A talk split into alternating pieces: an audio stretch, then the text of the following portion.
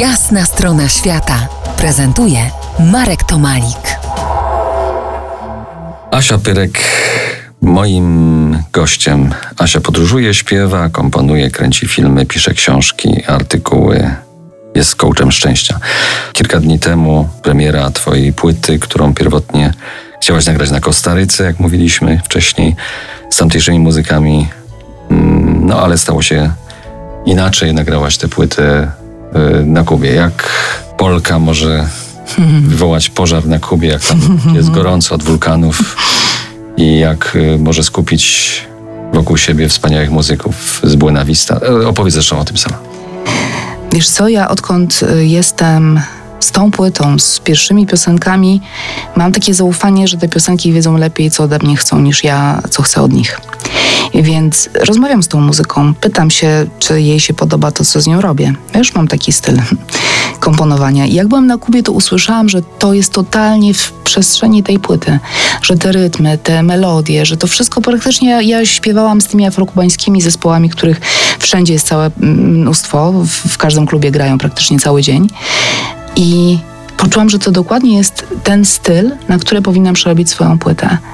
Spędziłam 10 dni chodząc po klubach, szukając muzyków, z którymi mogłabym bym to zrobić i się okazało, że ostatniego dnia poznałam człowieka, który jest jednym z najlepszych kongistów. Został mi tak przedstawiony już przez jeden zespół, z którym dogadywałam się w sprawie dalszej współpracy.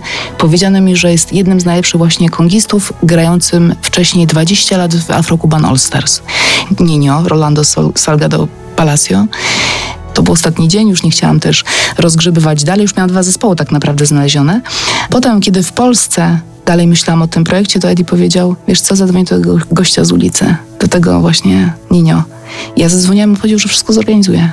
W ogóle nie wiedziałam, jak to się dzieje, ale powiedział, spokojnie, siostro, spokojnie, ci to zorganizuję. Ja wszystko rozumiem, przyjeżdżaj. No i tak się to potoczyło. Ale to jeszcze więcej tutaj ciekawych smaczków jest Urszula Dudziak. Wiesz co, Urszula Dudziak, ale to, to, to w ogóle to trzeba jeszcze na, na Kubę na chwilę wrócić, bo kiedy wróciłam nagrywać tą płytę, to jeszcze tam się pojawili inni muzycy, śpiewaczka operowa, bo w jednym utworze fantastycznie pasowała, więc jest diwa operowa kubańska Milagros de los Angeles. Jest również Amadito Valdez y, z Buena Vista Social Club, y, timbalista z Buena Vista.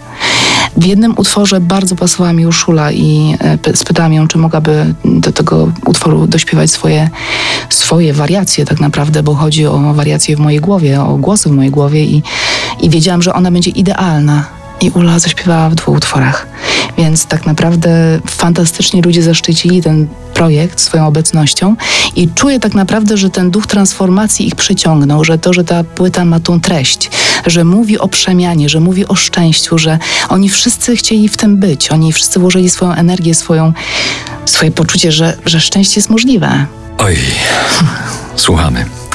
Gościem Jasnej Strony Świata była Asia Pyrek, podróżniczka, wokalistka i kompozytorka, coach szczęścia. Dziękuję Ci za przybycie tutaj do nas. Dziękuję.